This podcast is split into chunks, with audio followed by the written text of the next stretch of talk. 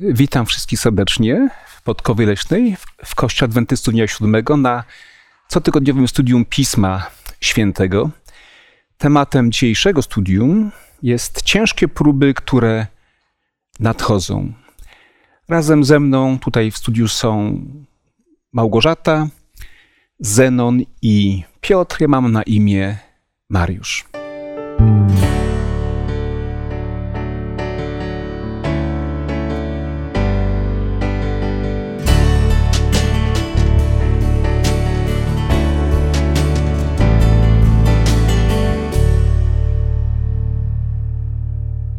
Tak jak zwykle chcemy w tej chwili jeszcze krótko pomodlić się, prosząc Boga o Jego mądrość w tej naszej dyskusji.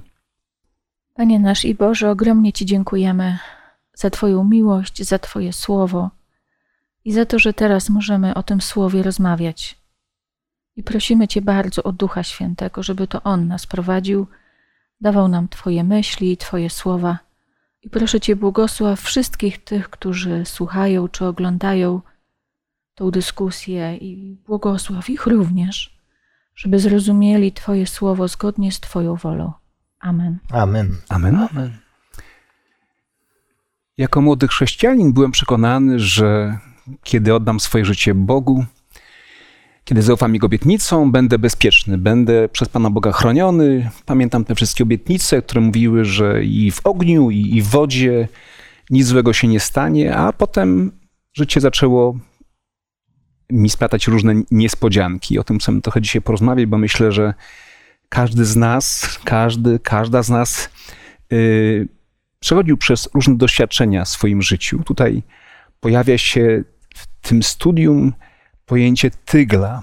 Myślę, że warto wyjaśnić, bo często w języku takim powszednim używamy go w sensie symbolicznym. Mówimy o tyglu doświadczeń, tyglu problemów.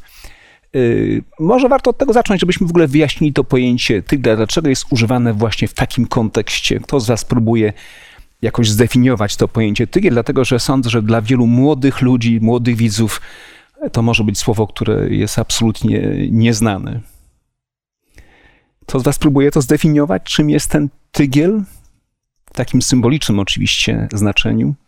Mm, może. Proszę bardzo. No, aby nadać mu symboliczne znaczenie, trzeba znać jego faktyczne pochodzenie i znaczenie.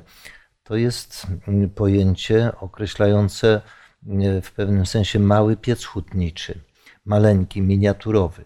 E, narzędzie, jeśli tak można nazwać, używane przez jubilerów do e, wytapiania, oczyszczania, szlachetnych kruszców od różnego rodzaju zanieczyszczeń typu różne e, szczątki kamieni, które w rudzie złota wydobywanej z ziemi znajdują się. A zatem e, ten tygiel to miejsce, w którym pod wysoką temperaturą topi się złoto, do stanu płynnego, czy srebro, czy jakiś inny kruszec szlachetny, oddzielając płynny, już czysty kruszec od wszystkich zanieczyszczeń. Świetnie, widzę, że byłeś dobrym uczniem i uczyłeś się pilnie chemii i fizyki w tych dobrych jeszcze czasach. No tak, czyli wiemy, czym jest y, to narzędzie. A dlaczego używany jest też w Piśmie Świętym, w potocznym języku, w takim a, przenośnym znaczeniu? Jak, jak często, do czego odnosimy to w takim potocznym zrozumieniu? To właśnie pojęcie tygiel. Mamy takie teksty w Biblii, które mówią, że Bóg nas będzie wytapiał. E, I chyba to wytapianie przynajmniej mi się kojarzy po prostu z doświadczeniami, ale co ważne jest, że to są doświadczenia w jakimś celu. To nie są doświadczenia po to, żebyśmy cierpieli e, i przynajmniej ja z Biblii nie czytam, że każdy chrześcijanin musi cierpieć, może cierpieć, może cierpieć również dla Chrystusa, ale te cierpienia są po to, żeby ukształtować nasz charakter i żeby tak naprawdę, no, żebyśmy od Boga nie odeszli. Y, zawsze, jak cokolwiek się dzieje, przynajmniej w moim życiu, albo jak w życiu osób, z którymi rozmawiam na temat ciężkich doświadczeń, to zawsze też mówię: nie pytajmy dlaczego, ale pytajmy po co czego Bóg przez doświadczenia chce nas nauczyć. Mhm. Mogę, ciągnąc tą myśl, y, zauważyć, że w sumie problem zaistniał wtedy, gdy zaistniał grzech. Jako zanieczyszczenie y, piękna, szlachetności, czystości. Dlatego, y, gdy zaistniał grzech i on niejako wmieszał się w nasz charakter. Dlatego dzisiaj każdy człowiek, każdy z nas, wyjątek stanowił Pan Jezus, ale to nie mówimy, ale każdy, każdy człowiek z krwi i kości jest mieszaniną zalet i wad. Jest mieszaniną pozytywnych i negatywnych e, cech, określeń. Nie ma człowieka, który by miał same zalety, nie miał wad, ani nie ma człowieka, który by miał same wady, nie miał zalet. Najwięksi zbrodniarze też mieli odruchy y, szlachetności, też mieli swoje rodziny, którymi się troszczyli, swoje dzieci, które pielęgnowali. Y, więc też z tej strony okazywali swoją szlachetność, dobroć. Natomiast Bóg w tym przypadku no, wychodzi naprzeciw żeby człowieka z powrotem przywrócić do tego stanu pierwotnej czystości, czyli to, co złe, żeby w nim zostało unicestwione. Sądzę, że cierpienie jest nie tylko udziałem ludzi wierzących. Wszyscy cierpią w tym świecie, dlatego że cierpienie jest jakby wpisane już na, na stałe w życie, doświadczenie każdego człowieka. Oczywiście nasza, nasze studium y, koncentruje się na doświadczeniach, na próbach w życiu ludzi wierzących. E, moglibyśmy zapytać w ten sposób, dlaczego złe rzeczy zdarzają się dobrym ludziom? Być może to jest takie pytanie, które wybrzmiało w tej lekcji. Apostoł Piotr tutaj udziela nam pewnej odpowiedzi. Myślę, że warto, abyśmy w tym momencie sięgnęli do Pisma Świętego. W pierwszym liście e, Piotra, w rozdziale czwartym, ten fragment może od 12 po 19 werset, warto by go w tej chwili przytoczyć. Jaka jest Piotrowa właśnie odpowiedź na to pytanie, dlaczego Złe rzeczy zdarzają się dobrym ludziom. Najmilsi, nie dziwcie się, jakby was coś niezwykłego spotkało, gdy was pali ogień, który służy doświadczeniu waszemu. Ale w tej mierze, jak jesteście uczestnikami cierpień Chrystusowych, radujcie się, abyście i podczas objawienia chwały Jego radowali się i weselili. Błogosławieni jesteście, jeśli was znieważają dla imienia Chrystusowego gdyż Duch chwały, Duch Boży spoczywa na was. A niech nikt z was nie cierpi jako zabójca, albo złodziej, albo złoczyńca, albo jako człowiek, który się wtrąca do cudzych spraw. Wszakże jeśli cierpi jako chrześcijanin, niech tego nie uważa za hańbę, niech raczej tym imieniem wielbi Boga. Nadszedł bowiem czas, aby się rozpoczął sąd od domu Bożego. A jeśli zaczyna się od nas, to jakiż koniec czeka tych, którzy nie wierzą Ewangelii Bożej? A jeśli sprawiedliwe z trudnością dostąpi zbawienia, to bezbożny i grzesznik gdzież się znajdą? Przeto i ci, którzy cierpią według woli Bożej, niech dobrze czyniąc, powierzą wiernemu Stwórcy dusze swoje. Bardzo ciekawa myśl. Nie dziwcie się, jeśli cierpicie, tak? E, ja w mojej takiej niedojrzałości tak myślałem, że jeśli stoję wyraźnie po stronie Pana Boga, dałem mu się, to w takim razie Pan Bóg musi mnie chronić przed wszelkimi e, przykrościami, jakie mogą mnie spotkać w życiu. Tutaj z kolei mowa jest o przyczynach i w tym studium mamy takich kilka tygli, tak bym to określił, e, które, w których może znaleźć się człowiek wierzący, który może znaleźć się chrześcijanin. Pierwszy z nich to tygiel tygiel nie, niespodzianki, jakieś niespodziewane wydarzenia, które nagle zmieniają naszą rzeczywistość. Czy czegoś takiego doświadczyliście w swoim życiu? Nie wiem, wypadek samochodowy, nagła diagnoza o ciężkiej chorobie, czy osobistej, czy może bliskiej, bliskie wam osoby. Dlaczego to się dzieje? Nie, kochani, ja bym jeszcze tak chciał wrócić przez moment do tego do tej wypowiedzi Piotrowej, e, ponieważ bardzo podoba mi się ten zwrot nie dziwcie się, jakby coś niezwykłego was spotkało. My wiemy w jakich okolicznościach na twarzy e, człowieka, mnie czy kogoś maluje się zdziwienie. Zdziwienie towarzyszy mu zaskoczenie, e, prawda, czyli coś zdumiewającego. E, I dlatego sam Pan Jezus też zapraszając do uczniowstwa, nie sprawiał wrażenia ani nie zapewniał swoich uczniów, że im będzie łatwo. Że on tak się o wszystko potroszczy, że nie martwcie się, będziecie spokojni, bezpieczni. On wręcz przeciwnie, zniechęcał e, do uczniowstwa, mówiąc otwarcie wprost: Słuchajcie, e, idąc za mną, będziecie przeżywać trudności. Będziecie przeżywać trudności. I te trudności wynikają, czy ten tygiel, o którym wspomniałeś, z różnych stron. Czasami one są skutkiem mojej głupoty. Sam sobie podpalam tygiel i wcale nie musiałby się on palić, tylko poprzez lekkomyślność, nieostrożność. Wielu sami sobie podpalają, prawda? I to dosłownie, bo paląc papierosy podpalają sobie mocny tygiel. Wielu ludzi, prawda? Mówiąc wprost. Ten tygiel podpalają inni ludzie. Mówiąc wprost, wiemy, że w świecie duchowym jest też szatan, któremu Pan Bóg pozwolił. Pan Jezus, co prawda, e, użył te, tego zdania w innym kontekście, że szatan wyprosił sobie, aby was odwiewać. To też jest pewien inny obraz oczyszczenia, oddzielenia rzeczy szlachetnych od, od, od mniej szlachetnych, może nie tak bolesny jak, jak, jak tygiel, prawda?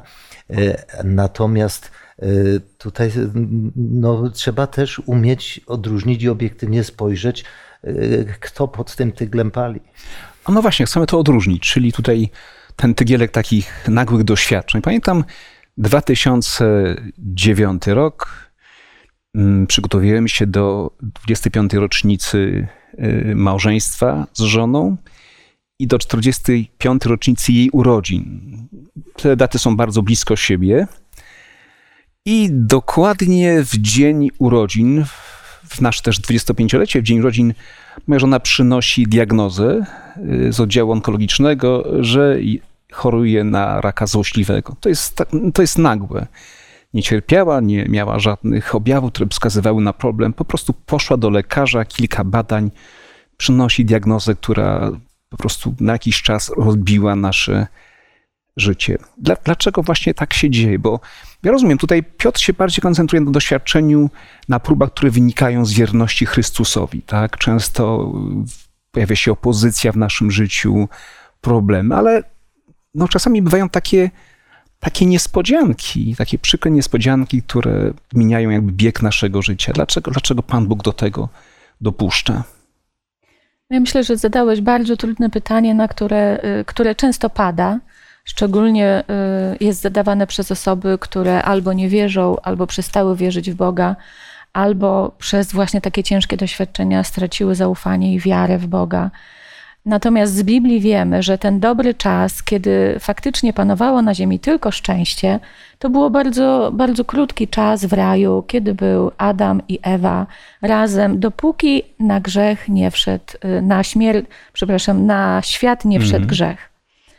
E, wszedł grzech i niestety szatan miesza, tak? Tak powiem może trochę prosto, ale E, to nie jest tak, że jak zaczynamy wierzyć w Boga, to Bóg, tu już ktoś chyba powiedział, tak jakby otoczył nas szklaną bańką i teraz już nic nas nie dotknie. Teraz jesteśmy uchronieni od wszystkiego, co złe. Nie, dlatego że na tym świecie szatan rządzi. E, szatan może jest przegrany, bo wiemy, że przegrał e, i Jezus Chrystus wygrał z nim na krzyżu.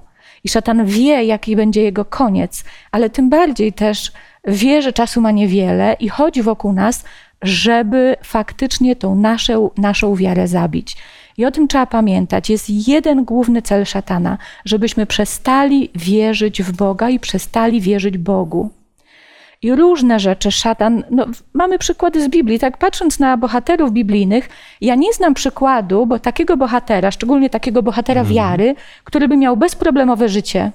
Każdy miał mnóstwo doświadczeń, takich naprawdę bardzo, no mniej ciężkich, y, bardziej ciężkich, ale wszystkie te doświadczenia y, w większości przypadków wśród tych, którzy wytrwali pomimo, kończą się po pierwsze albo dobrze już na łamach Pisma Świętego, albo ci ludzie wierzyli, że to dobre, tego dobrego doczekają przy powtórnym przyjściu Jezusa. Jeżeli zdamy sobie sprawę z tego, że to życie jest tylko chwilowe, y, jest przejściowe, to, to nie jest, ten świat nie jest naszym światem, to wtedy będzie nam łatwiej zrozumieć, że cokolwiek się dzieje, tragedię, tak jak mówisz, y, ale razem z Bogiem możemy przetrwać. I naszym celem nie jest tutaj szczęśliwe życie bez chorób, bez doświadczeń. Naszym celem jest niebo. I życie tam wiecznie z naszym Zbawicielem Jezusem Chrystusem. Mogę? Proszę bardzo jeszcze. Nie. Rzeczywiście jest to najtrudniejsze pytanie, nie, najtrudniejsze, jedno z, bo takich trudnych pytań moglibyśmy długą listę sporządzić. E, spotykając się z tym w codzienności e, i we własnym domu, bowiem przez podobne problemy przechodziliśmy w znacznie młodszym wieku, kiedy, kiedy rzeczywiście trzeba było zmierzyć się i, i spojrzeć, jak to mówimy, prawdzie w oczy. I te pytania do Boga, ja bardziej nawet niż żona, która bezpośrednio z tym problemem się borykała, ja miałem więcej pretensji do Pana Boga e, i to wyznaję, Pan Bóg wie, przeprosiłem go za to. Ale to wynika też z pewnego uproszczenia takiego schematu. Bóg jest dobry i robi dobrze, szatan jest zły i robi źle. A więc tam, gdzie jest dobro, tam, jest, tam gdzie jest zło, tam jest szatan. Y, to jest pozornie logiczne spojrzenie, ale musimy pamiętać, że komplikacja życia, ta, ta mieszanka tych różnych zdarzeń jest niezmiernie trudna, bo szatan, będąc złym, on też umie robić dobrze. I, i, i nie zawsze Y, pomyślność, zdrowie y, są y, dowodem Bożego błogosławieństwa, które tak potocznie by się wydawało logiczne, ani nie zawsze choroba, nieszczęście, wypadek jest karą boską, jak potocznie to jest pojmowane. Jak ci się powodzi, to jesteś błogosławiony przez Boga, a jak masz jakieś nieszczęście, to jesteś karany przez mhm. Boga to, to, to Zenku. uproszczenie bardzo źle wpływa. Ja się wychowałem w kościele katolickim jako mały chłopiec i pamiętam, mam to z tyłu głowy, jedną z takich prawd wiary podstawowych. Bóg jest sędzią sprawiedliwym, pamiętacie to może? Który za dobro wynagradza, za złe karze. Ja, ja cały czas myślałem takimi kategoriami, ponieważ mi to wpojono od dziecka, że co człowiek sieje, to, to rządź będzie. A czasami życie nas zaskakuje i złe rzeczy zdarzają się wierzącym, dobrym, sprawiedliwym ludziom. E, kochani, wspomniałeś tutaj, że czasami ten kociołek podpalamy sobie sami przez pewne złe decyzje, czy to, co byśmy nazywali nawet grzechem, ale czy może być takie cierpienie niezawinione? Ponieważ ten sam apostoł Piotr e, udziela nam pewnej, mm, pewnej rady, pewnego ostrzeżenia w swoim pierwszym liście. Mówi, bądźcie trzeźwi, czuwajcie, przeciwnik wasz diabeł chodzi wokoło jak lew ryczący, szukając kogo by pochłonąć. To by oznaczało, że diabeł też nam przygotuje takie, takie tygle. Jak to, jak to w ogóle jest y, możliwe? Mówiliśmy, że to jest przegrana istota, potępiona przez Boga, a jednak. Proszę Piotrze. E, no przede wszystkim tutaj znowu odnosimy się do pierwszego listu Piotra. E, mierząc się z tym listem, dotarłem do e, informacji takiego tła kulturowo-historycznego, podającego, że ten list prawdopodobnie powstał w okresie, gdy Neron, władca Rzymu, mm -hmm. który na pewno nie był psychicznie zdrowym człowiekiem, podpalił Rzym, chciał go przebudować, a następnie kiedy ludzie zorientowali się, że jest mu to na rękę i zaczęli go oskarżać o to, e, przerzucił cały ciężar winy na chrześcijan. Rozpoczęły się straszliwe prześladowania. Próbuję sobie wyobrazić sytuację, gdzie z dnia na dzień sytuacja polityczna e, w moim kraju zmienia się w taki sposób, że ktoś wyciąga mi z domu dzieci, żonę, nie wiem, torturuje je. Ludzie siedzą setkami i tysiącami i cieszą się, kiedy w okrutny sposób są zabijani. E, szczerze przyznam się, że mierzę się cały czas z tym, czy, czy naprawdę ten list mógł powstać w tak drastycznych okolicznościach, które wiadome było nie tylko mieszkańcom Rzymu, ale prawdopodobnie w krótkim czasie rozeszły się jako wieści po całym imperium i pchnęły ludzi e, żyjących w tym imperium no, do tego, żeby bardziej swobodnie zaczęli traktować swoich sąsiadów, którzy byli chrześcijanami. Może czasem e, przestali się powściągać w wypowiadaniu krytycznych słów, czy może nawet w postawach jakichś bardzo takich radykalnych. E, I to jest zdumiewające, że w pewnym momencie Piotr, e, w ogóle wzywając tych ludzi nadal do postawy szacunku, mam na myśli ludzi wierzących, on w tych okolicznościach, w tym liście wzywa ich nadal do postawy szacunku, zachowania nadal bojaźni przed Bogiem przede wszystkim, w tym jak traktują innych. Bo przecież chrześcijanie mogliby się zejść, kilku silniejszych mężczyzn, i pomordować swoich sąsiadów, którzy są dla nich zagrożeniem, prawda? A jednak on wzywa ich do, do innych postaw, do innego sposobu myślenia, ale też właśnie pokazuje, że jest pewne tło, że za tym wszystkim, gdzieś za kulisami jest ktoś, komu z pewnych przyczyn, o których Biblia mówi, do pewnego stopnia, do pewnych granic, w pewnych okolicznościach czasu Bóg pozwala działać. E, sam Jezus w pewnym momencie, gdy, gdy został wystawiony na próbę, Piotr, no właśnie autor tego listu, mówił do niego coś, co mogło mocno e, zaszkodzić misji, którą tutaj realizował. Powiedział e, nie tyle do samego Piotra, co przede wszystkim do tego, który stał za tym, co powiedział. Powiedział: idź precz, szatanie.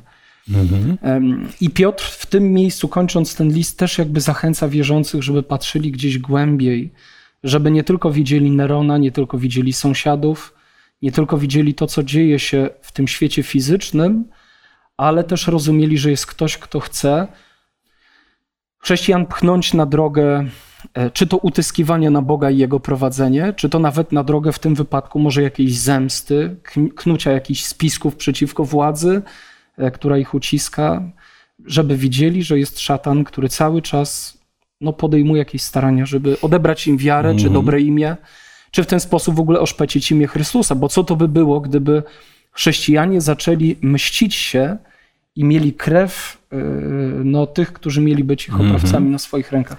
Także może przepraszam za tak. długą wypowiedź, ale e, dla mnie w ogóle to są bardzo trudne tematy, dodam tylko jeszcze, bo ja nigdy nie byłem prześladowany i nigdy w sumie nie stałem się uczestnikiem takiego Cierpień. poważnego cierpienia. Z, z, zostaję póki co jako wierzący cały czas na płaszczyźnie takich teoretycznych rozważań, ale kiedy próbuję to sobie wyobrazić, myślę sobie, Boże, żeby to na mnie nigdy nie doszło. Piotrze, to ja mam podobnie, bo myślę, że nie przechodziłam nigdy takiego ciężkiego doświadczenia, ale z drugiej strony, jak patrzę czy rozmawiam z osobami, które przechodziły właśnie takie ciężkie doświadczenia, y, jak właśnie bardzo poważna choroba albo śmierć kogoś bliskiego, to dla mnie osobiście i dla mojej wiary jest to tak budujące, jak widzę, że ta osoba przechodzi przez te doświadczenia z wiarą, z zaufaniem. Widzę, y, rozmawiam na przykład z Patrycją, y, siostrą z naszego kościoła, która przechodziła właśnie przez doświadczenia choroby, i to jest uśmiechnięta, radosna, pogodna, pełna wiary osoba. Nawet nie wiecie, jak bardzo podbudowało to moją wiarę i ilu osobom już o niej opowiadałam. Y, I może sobie osoby, które przechodzą przez takie doświadczenie, nie zdają sprawy, ale być może te doświadczenia są chociażby po to, żeby podbudować wiarę wielu, wielu osób, które patrzą na to, jak przez te doświadczenia przechodzimy. Tak, właśnie w tej części mowa jest tutaj o szatanie. Piotr rzeczywiście mówi o pewnej realności, dlatego że dzisiaj dla wielu chrześcijan szatan jest jakąś postacią mityczną albo jest jakimś tylko symbolem zła.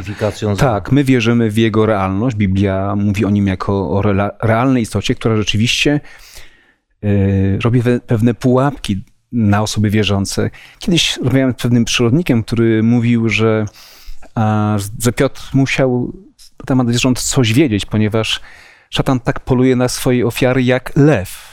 ponoć, nie wiem czy to jest prawda, kiedy lew poluje w pojedynkę, jest jakieś stado antylop, on je okrąża z wszystkich stron i ryczy. Więc gdzieś tam w jednym miejscu pojawi się ryczy, one się boją, idzie w drugie miejsce, znowu ryczy, one się boją, kolejne i one mają wrażenie, że tych lwów jest cała masa i tłoczą się, a potem wypada i jakieś tam najsłabsze zwierzę po, porywa. Być może to jest taka właśnie metoda, że, że on może bardziej ryczy, głośniej ryczy niż jest w stanie nam zrobić krzywdę. A z drugiej strony spotkałem się też z takim zarzutem, że my mamy tak fajnie jako wierzący, ponieważ wszystko możemy zrzucić na Szatan. szatana. Nie, Rzeczywiście grzech wywarł swoje piętno na całej przyrodzie. Dotknął nie tylko rodzaju ludzkiego, ale dotknął całą przyrodę. To jest nieco odrębny wątek, ale wracając do listu Piotra, rzeczywiście list Piotra przesiąknięty jest tą mm, ideą cierpienia i to cierpienia e, nie zawsze nazwijmy słusznego. Ja przytoczę e, słowa z drugiego rozdziału e, pierwszego listu Piotra, e, tylko 19 i 20 werset, gdzie mm, czytamy takie słowa. Albowiem to jest łaska, jeśli ktoś związany w sumieniu przed Bogiem znosi utrapienie i cierpi niewinnie. Nam się kojarzy zawsze cierpienie jako coś na co człowiek zasłużył, jako coś, co jest sprawiedliwe, ale tu cierpi, a dzie- a 20 wierszy, 20 werset mówi tak. Bo jakaż to chluba, jeśli okazujecie cierpliwość policzkowani za grzechy, ale jeśli okazujecie cierpliwość, gdy za dobre uczynki cierpicie. I to jest paradoks. Jak to za dobre uczynki cierpicie? A otóż nie, diabeł znalazł doskonały sposób w jego mniemaniu, ale nie tylko, pokazany również praktyką, w jaki sposób zniechęcić człowieka do dobroczynności. Bo jeżeli ja pomagam drugiemu człowiekowi, to liczę na wdzięczność. A jeśli już nie wdzięczność, to przynajmniej obojętność. Ale jeżeli ja pomagam drugiemu człowiekowi, a w zamian za to dostaję w twarz, no raz mogę, raz mogę e, Nadstawić drugi policzek. nastawić drugi policzek. Ale jeżeli to się powtarza drugi, trzeci, piąty, no to w końcu dochodzę do wniosku, no jaki sens jest? y, Nie rób drugiemu dobrze, nie będzie tobie źle. Nawet takie przysłowie powstało. Więc widzicie, ten paradoks polega na tym, że zło jest krzywdzące, dlatego jest niesprawiedliwością, bo ono y, zadaje cierpienie bez powodu. No, największym przykładem jest Pan Jezus, prawda? Takim, takim y, perfekcyjnym przykładem. Dlatego, gdyby szatan zabraniał i powiedział, nie pomagaj drugiemu, no dla niektórych jest to argument i, i, i taka pokusa, ale ci, którzy dobrze czynią, są zniechęceni i w wielu przypadkach przyblokowani, gdy po jednym, drugim, trzecim kopniaku, mówiąc w zamian y, za dobroczynność, potem zamykają się i mówią, no nie będę sobie y, pytał biedy, nie będę, y, prawda, komuś robił dobrze, żeby y, sa- samemu nie być źle. I tu jest, to, to jest, bo mówimy o ciężkich próbach. To jest też próba, czy ja się zniechęcę tym, że w zamian za dobroczynność otrzymuję razy, czy te razy nie zniechęcą mnie w okazywaniu nadal dobroczynności. Ja myślę, że to nie tylko o dobroczynność chodzi, ale w ogóle o życie zgodnie z zasadami y, bożymi, zgodnie z Biblią. No, y, tak popularny teraz chociażby temat homoseksualizmu, gdzie Biblia bardzo jasno mówi na ten temat. I jeżeli chcemy żyć zgodnie z Biblią, to będziemy tak naprawdę przeciwni światu. I też możemy być narażeni na różnego rodzaju nieprzyjemności. Ktoś by powiedział, dobrze, to dla świętego spokoju zgodzę się z wami, albo nie będę się na ten temat wypowiadał. A Biblia jasno mówi, i ja przynajmniej rozumiem, że Bóg od nas oczekuje, żebyśmy tą prawdę, bez względu na to, jak bardzo jest niepopularna, głosili. Tak, moi kochani, i kolejny taki tygielek, tutaj wspomniany przez Zenona, no to ten, który sobie sami podpalamy, czyli tygiel grzechu. Y, Jest bardzo ciekawy fragment y, Pisma Świętego, list do Rzymian, pierwszy rozdział. Y, Przeczytajmy może mm, 18, 18 werset. Em, Albowiem gniew Boży z nieba objawia się przeciwko wszelkiej bezbożności i nieprawości ludzi, którzy przez nieprawość tłumią prawdę. ponieważ to, co o Bogu wiedzieć można, jest dla nich jawne, gdyż Bóg im to objawił. Niewidzialna Jego istota, to jest wiekuista Jego moc, bóstwo, mogą być od stworzenia świata oglądane w dziełach i poznane umysłem, tak iż nie mają nic na swoją obronę. Dlatego, że poznawszy Boga, nie uwielbili Go jako Boga i nie złożyli Mu dziękczynienia, lecz znikczemnieli w myślach swoich, a ich nierozumne serce pogrążyło się w ciemności. Mieli się mądrymi, stali się głupi i zamienili chwałę nieśmiertelnego na obrazy przedstawiające śmiertelnego człowieka. I może ten tekst, tak właśnie chciałem, dlatego też wydał ich Bóg na łup porządliwości ich serc. Potem w wierszu 26, dlatego wydał ich Bóg na łup sromotnych namiętności. I 28, a ponieważ nie uważali za wskazane uznać Boga, przeto wydał ich Bóg na pastwę niecnych zmysłów. No jest właśnie ciekawe sformułowanie, wydał ich Bóg, bo y, mówiąc o gniewie Bożym, Piotr na początku używa tego pojęcia gniew Boży objawia się, no to mamy takie wrażenie, że Pan Bóg w sposób czynny teraz karze tych ludzi, którzy postępują wbrew Jego zasadom. I tak najczęściej ludzie rozumieją Pana Boga, mówią o karze Bożej, Bóg kogoś skarał, prawda? Jak to, to pojęcie y, gniew Boży mm, wygląda właśnie w, w tej wypowiedzi apostoła, apostoła Pawła? E, niejednokrotnie myślałem o tych sprawach w związku z tym, że Biblia odsłania przed nami prawdę o ludzkiej naturze. I to jest jeden z fragmentów, który pokazuje, że z natury e, wnętrze człowieka jest napełnione tym, co Biblia nazywa porządliwością. To są to, to inaczej namiętności, tak? Jest coś w nas złego i jeśli nie ma hamującego wpływu Ducha Świętego lub on jest skutecznie odpychany, to to, co w nas z natury jest złego, pożre nas samych. E, to tak jak e, nieleczona choroba, która może zainfekować całe ciało, czy pożyć całe ciało. Moim córkom kiedyś próbowałem to wytłumaczyć. Mówię, słuchajcie, jak miałbym kolegę, ja jestem raczej niski, ale jakby był kolega powiedzmy koło dwóch metrów, taki postawny, i jest wieczór, ciemna uliczka i on mówi, chodź, ja cię, ja cię odprowadzę i przeprowadzę cię przez tą uliczkę. Ja bym powiedział, nie, dzięki, ja sobie poradzę, nie potrzebuję. A potem idąc z nią dostałbym po głowie i nikt by mnie nie uratował. To pytanie, czy to jest kara, którą spuścił na mnie ten kolega, że go odepchnąłem? Nie, po prostu podjąłem decyzję i pozbawiłem się protekcji kogoś, kto mógł mi mhm. pomóc, mm -hmm. prawda? Stwórca jest po naszej stronie w walce z naszą zepsutą naturą. I tu jest powiedziane, Bóg wydał ich na łup porządliwości ich serc, ale wcześniej jest powiedziane, oni odrzucili, poznali go umysłem mm -hmm. w mhm. stworzonym świecie, ale powiedzieli, nie chcemy mieć z nim nic wspólnego. Chyba na, ten, na tym polega grzech. Ten jeszcze dodam, mnie ten tekst y, uczy o tym, że właśnie nie ma ziemi neutralnej czy przestrzeni neutralnej. Jeżeli odchodzimy od Boga, i też sobie nawet wystopniowałam to, taka y, jakby filozofia grzechu. Poznali, nie uwielbili, nie dziękowali, znikczemnieli w myślach i oddali się swoim bożkom. Ale co to znaczy swoje bożki? Sami sobie tego nie wymyślili, bo tak jak mówię, nie ma ziemi neutralnej, więc jeżeli wychodzimy spod wpływu Boga, wchodzimy pod wpływ szatana i ulegamy tym wszystkim różnym wymysłom. Oczywiście ludzie też wymyślają, tylko pod wpływem szatana wtedy, różne swoje nauki i sposób na życie bez Boga. E, a z Biblii też wiemy, jak jest koniec życia bez Boga. Mhm. No i to, to, właśnie to pojęcie mm, kłania się grzech i, i grzechy. Czyli grzech to jest odejście od Boga, tak? To jest pewien bunt człowieka wobec Pana Boga, a z tego buntu, w świetle tego, co mówi apostoł Paweł, wynikają grzechy, tak? To, co się dzieje, jak niczym nie jest człowiek. Ja powiem wam, że y, mam w tej chwili 59 lat i dopiero w tym roku przekonałem się tak naocznie, do czego zdolny jest człowiek. Czytałem książki o Auschwitz, o II wojnie światowej, ale to były odległe jakieś historie, o których mi też mówił dziadek. Kiedy widziałem wydarzenia na Ukrainie, zrozumiałem, że człowiek moralnie nie zrobił żadnego postępu. To jest wciąż średniowiecze, to jest wciąż starożytne barbarzyństwo, tylko, tylko inne, inne możliwości, inne, inne narzędzia. Człowiek moralnie nie zrobił żadnego postępu. Człowiek bez Boga nie jest w stanie zrobić żadnego postępu, jest zdolny do najgorszych rzeczy, jest nikczemny, jest zepsuty, jest napełniony tym wszystkim, o czym pisze e, apostoł, apostoł e, Paweł. Moi drodzy, a więc nie zawsze Pan Bóg karze w taki sposób czynny. Często to, co nas spotyka, jest konsekwencją pewnych naszych złych wyborów. Tutaj Zanek wspomniał chociażby różnego rodzaju nałogi, prawda?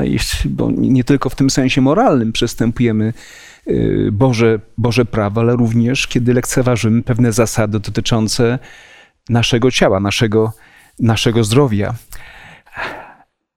Tygiel oczyszczenia. Tygiel oczyszczenia. Tutaj y, mamy ciekawy tekst z księgi proroka Jeremiasza. Y, tutaj być może najwyraźniej widać, y, y, czym jest ten, ten tygiel, do czego ten tygiel służy. Y, Księga Jeremiasza, 9 rozdział i werset, werset 6. Dlatego tak mówi Pan zastępów. Oto ja wytopię ich i wypróbuję ich, gdyż jak inaczej mam postąpić wobec złości córki mojego ludu. Ja ich wypróbuję, ja ich wytopię. Czym jest ten tygiel oczyszczenia? Chociażby w świetle całego tego fragmentu, który się pojawia w liście do, y, w księdze Jeremiasza, my wiemy, jaki był stan moralny, duchowy Izraelitów. Pan Bóg tam cały czas narzeka, mówi o ich grzechach. Dlaczego Pan Bóg chce ich wytopić? Można.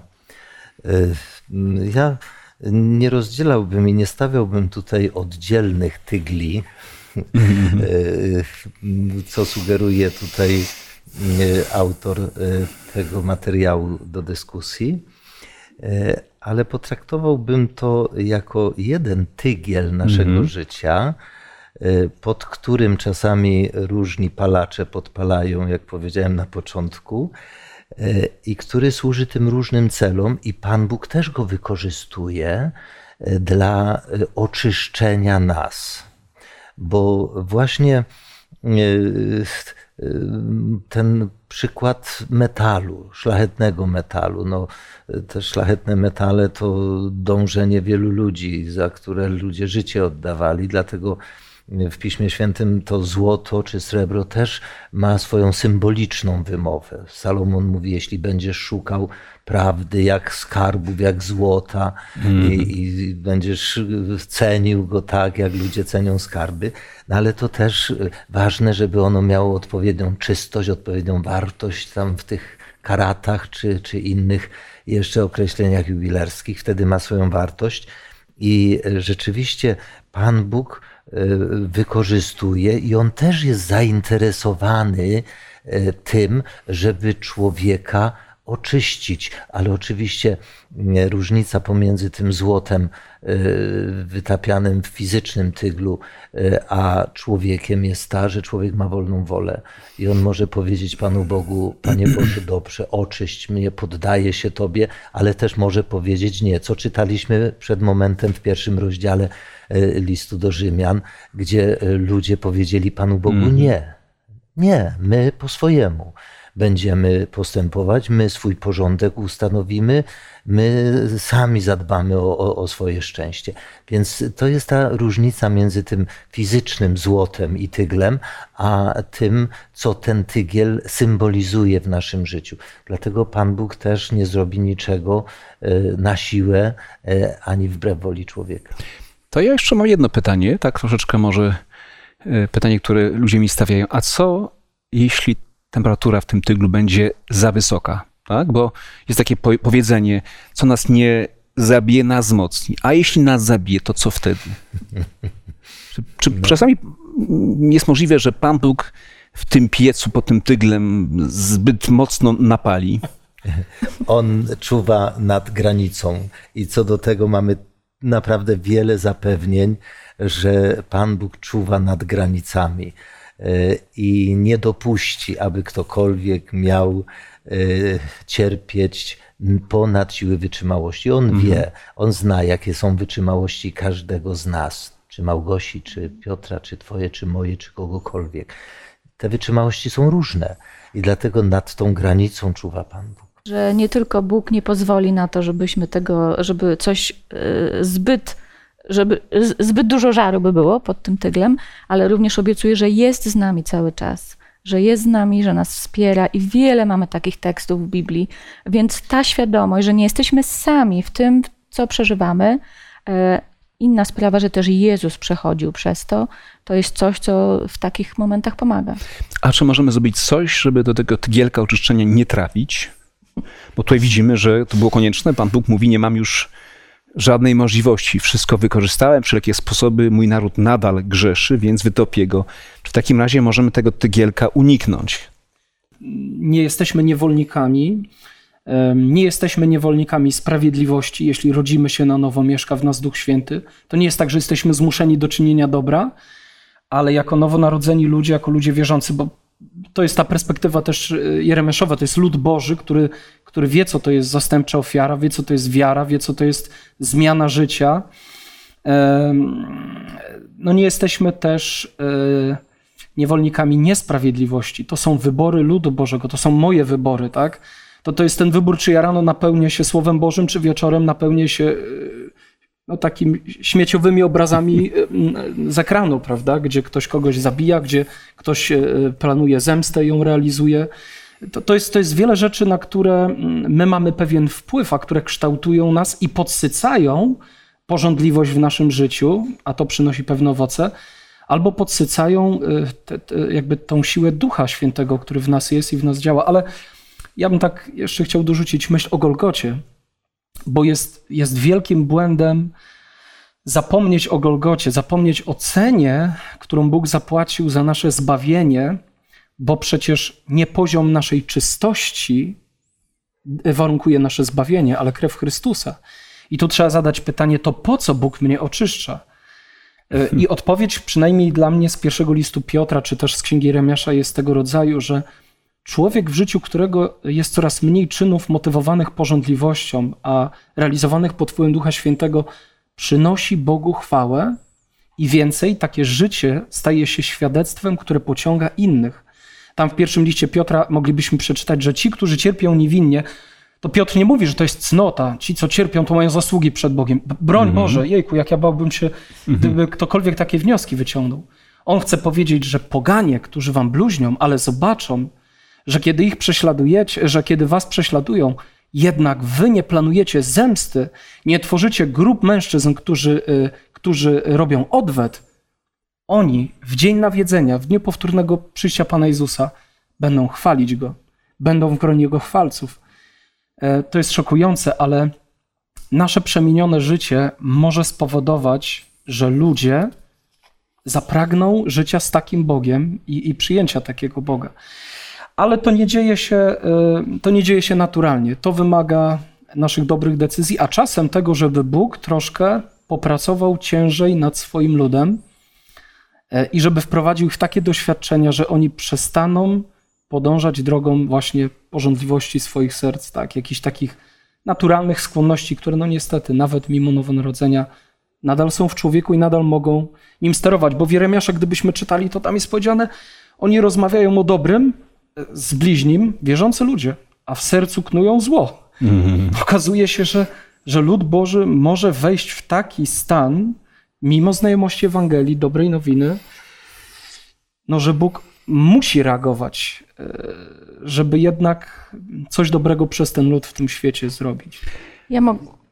Króciutko, tylko chciałam jeszcze dodać, że y, bardzo ważny aspekt moim zdaniem tego wytapiania i doświadczeń to jest przygotowanie nas na powtórne przyjście Jezusa i na to, co przed powtórnym przyjściu Jezusie, przed powtórnym przyjściem ma się wydarzyć. I owszem, w różnym, y, znaczy to nie wiemy, kiedy to będzie, ale każdego z nas mogą y, czekać jakieś większe doświadczenia. I nie wiem, no, czy wy możecie to powiedzieć ze swojego doświadczenia? Myślę, że tak, że na początku są jakieś małe doświadczenia, w nich się uczymy wiary, zaufania, potem przychodzą cięższe i my tą wiarę, zaufania już mamy. Już jest nam łatwiej znowu zaufać i znowu uwierzyć. E, I w ten sposób to oczyszczenie złota ja rozumiem jako oczyszczenie wiary i zaufania. To nie chodzi o to, żebym ja miała bezgrzeszny charakter. To chodzi o to, że bez względu na to, co się będzie wokół mnie działo, ja zaufam Bogu, że On jest ze mną i że On mnie wyratuje. Że On mnie kocha i że prowadzi mnie tylko przez takie doświadczenia, które Jego kochające serce dopuszcza. Co jest szczytem szaleństwa, ale i przesłaniem Biblii. Mamy Ojca w niebie, który przez ten poligon zaminowany tak nas przeprowadzi, by wybuchły tylko niezbędne miny. Żebyśmy doszli na koniec. Tak, dziękuję. Terminologia już Pójdę, pojawia się tak. wojskowa terminologia, wojenna wręcz. E, Ja e, chciałbym e, do, dodać, kontynuując tą myśl, by Gosia powiedziała, że Bóg oczyszcza nas, aby nas przygotować na powtórne przyjście. No ale to nie jest, to jest dopiero początek. Bóg przygotowuje nas do życia w nieskończoność. Ja nie chciałbym żyć w nieskończoność w takich warunkach jak na tej ziemi, gdzie jest cierpienie, ból, gdzie jeden drugiego krzywdzi. Nie chciałbym i to Pan Bóg też nie chce. Dlatego On nas oczyszcza, żeby życie w nieskończoność, które przygotował, to wieczne życie, mogło być niczym niezakłócone, bo grzech zakłóca, to jest ten kamień w zębach, kamień w tryby, który powoduje później te wszystkie skutki, których mamy. Dlatego też myślę, tą ideę pięknie wyraża to jedno zdanie. Bóg nie oczyszcza nas jako warunek, aby nas przyjąć, tylko przyjmuje nas takimi, jakimi jesteśmy i chce oczyścić, przygotowując do życia w nieskończoność. Bardzo dziękuję Wam za wszystkie dobre myśli, które myślę ten temat jeszcze bardziej nam wszystkim przybliżyły. Też dziękuję wszystkim naszym widzom. Myślę, że w jakiś sposób zachęciliśmy Was do rozważań nad tym niezwykle ważnym zagadnieniem w życiu chrześcijańskim. Ale być może ktoś z Was dzisiaj jest w jednym z tych kilku tygli, o których mówiliśmy. Być może tym, który przygotował dla Was przeciwnik Boga, a być może ten, który podpaliście e, sami. Jedno jest pewne, Pan Bóg nas oczyszcza, Pan Bóg nas wytapia i Pan Bóg w tym tyglu jest razem z nami i gwarantuje nam, że nasze życie nie ulegnie zniszczeniu. Dziękuję, zapraszam na kolejne studium w następnym tygodniu. Chcemy w tej chwili jeszcze pomodlić się i podziękować Panu Bogu za to, kim jest i co czyni w naszym y, życiu.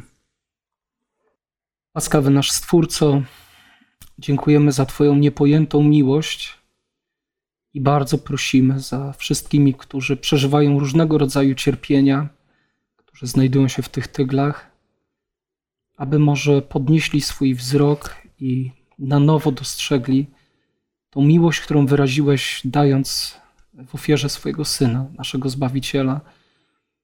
Daj Boże, by ta pewność Twojej miłości była osłodą w tych trudnych chwilach, czy to w chwilach własnych błędów, własnych złych decyzji, ataków nieprzyjaciela, czy, czy może nienawiści, nieprzyjaźni e, ludzi, cokolwiek Boże by się nie działo, daj by owocem tego był wzrost wiary.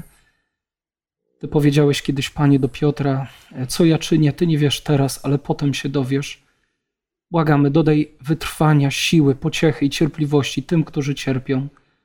A jeśli my tutaj, zgromadzeni w jakikolwiek sposób, możemy pomóc, użyj nas Boże i daj, abyśmy byli takimi Twoimi posłańcami, tak jak ten anioł tam w Getsemane, kiedy wsparł Jezusa w Jego cierpieniu i pomógł Mu przez nie przejść i odnieść zwycięstwo. W Twoje ręce się polecamy i ufamy, że poprowadzisz nas najlepszą z dróg każdego i poprowadzisz aż do końca. Dziękujemy za to. Dziękujemy za to, kim jesteś. W imieniu Jezusa. Amen. Amen. Amen.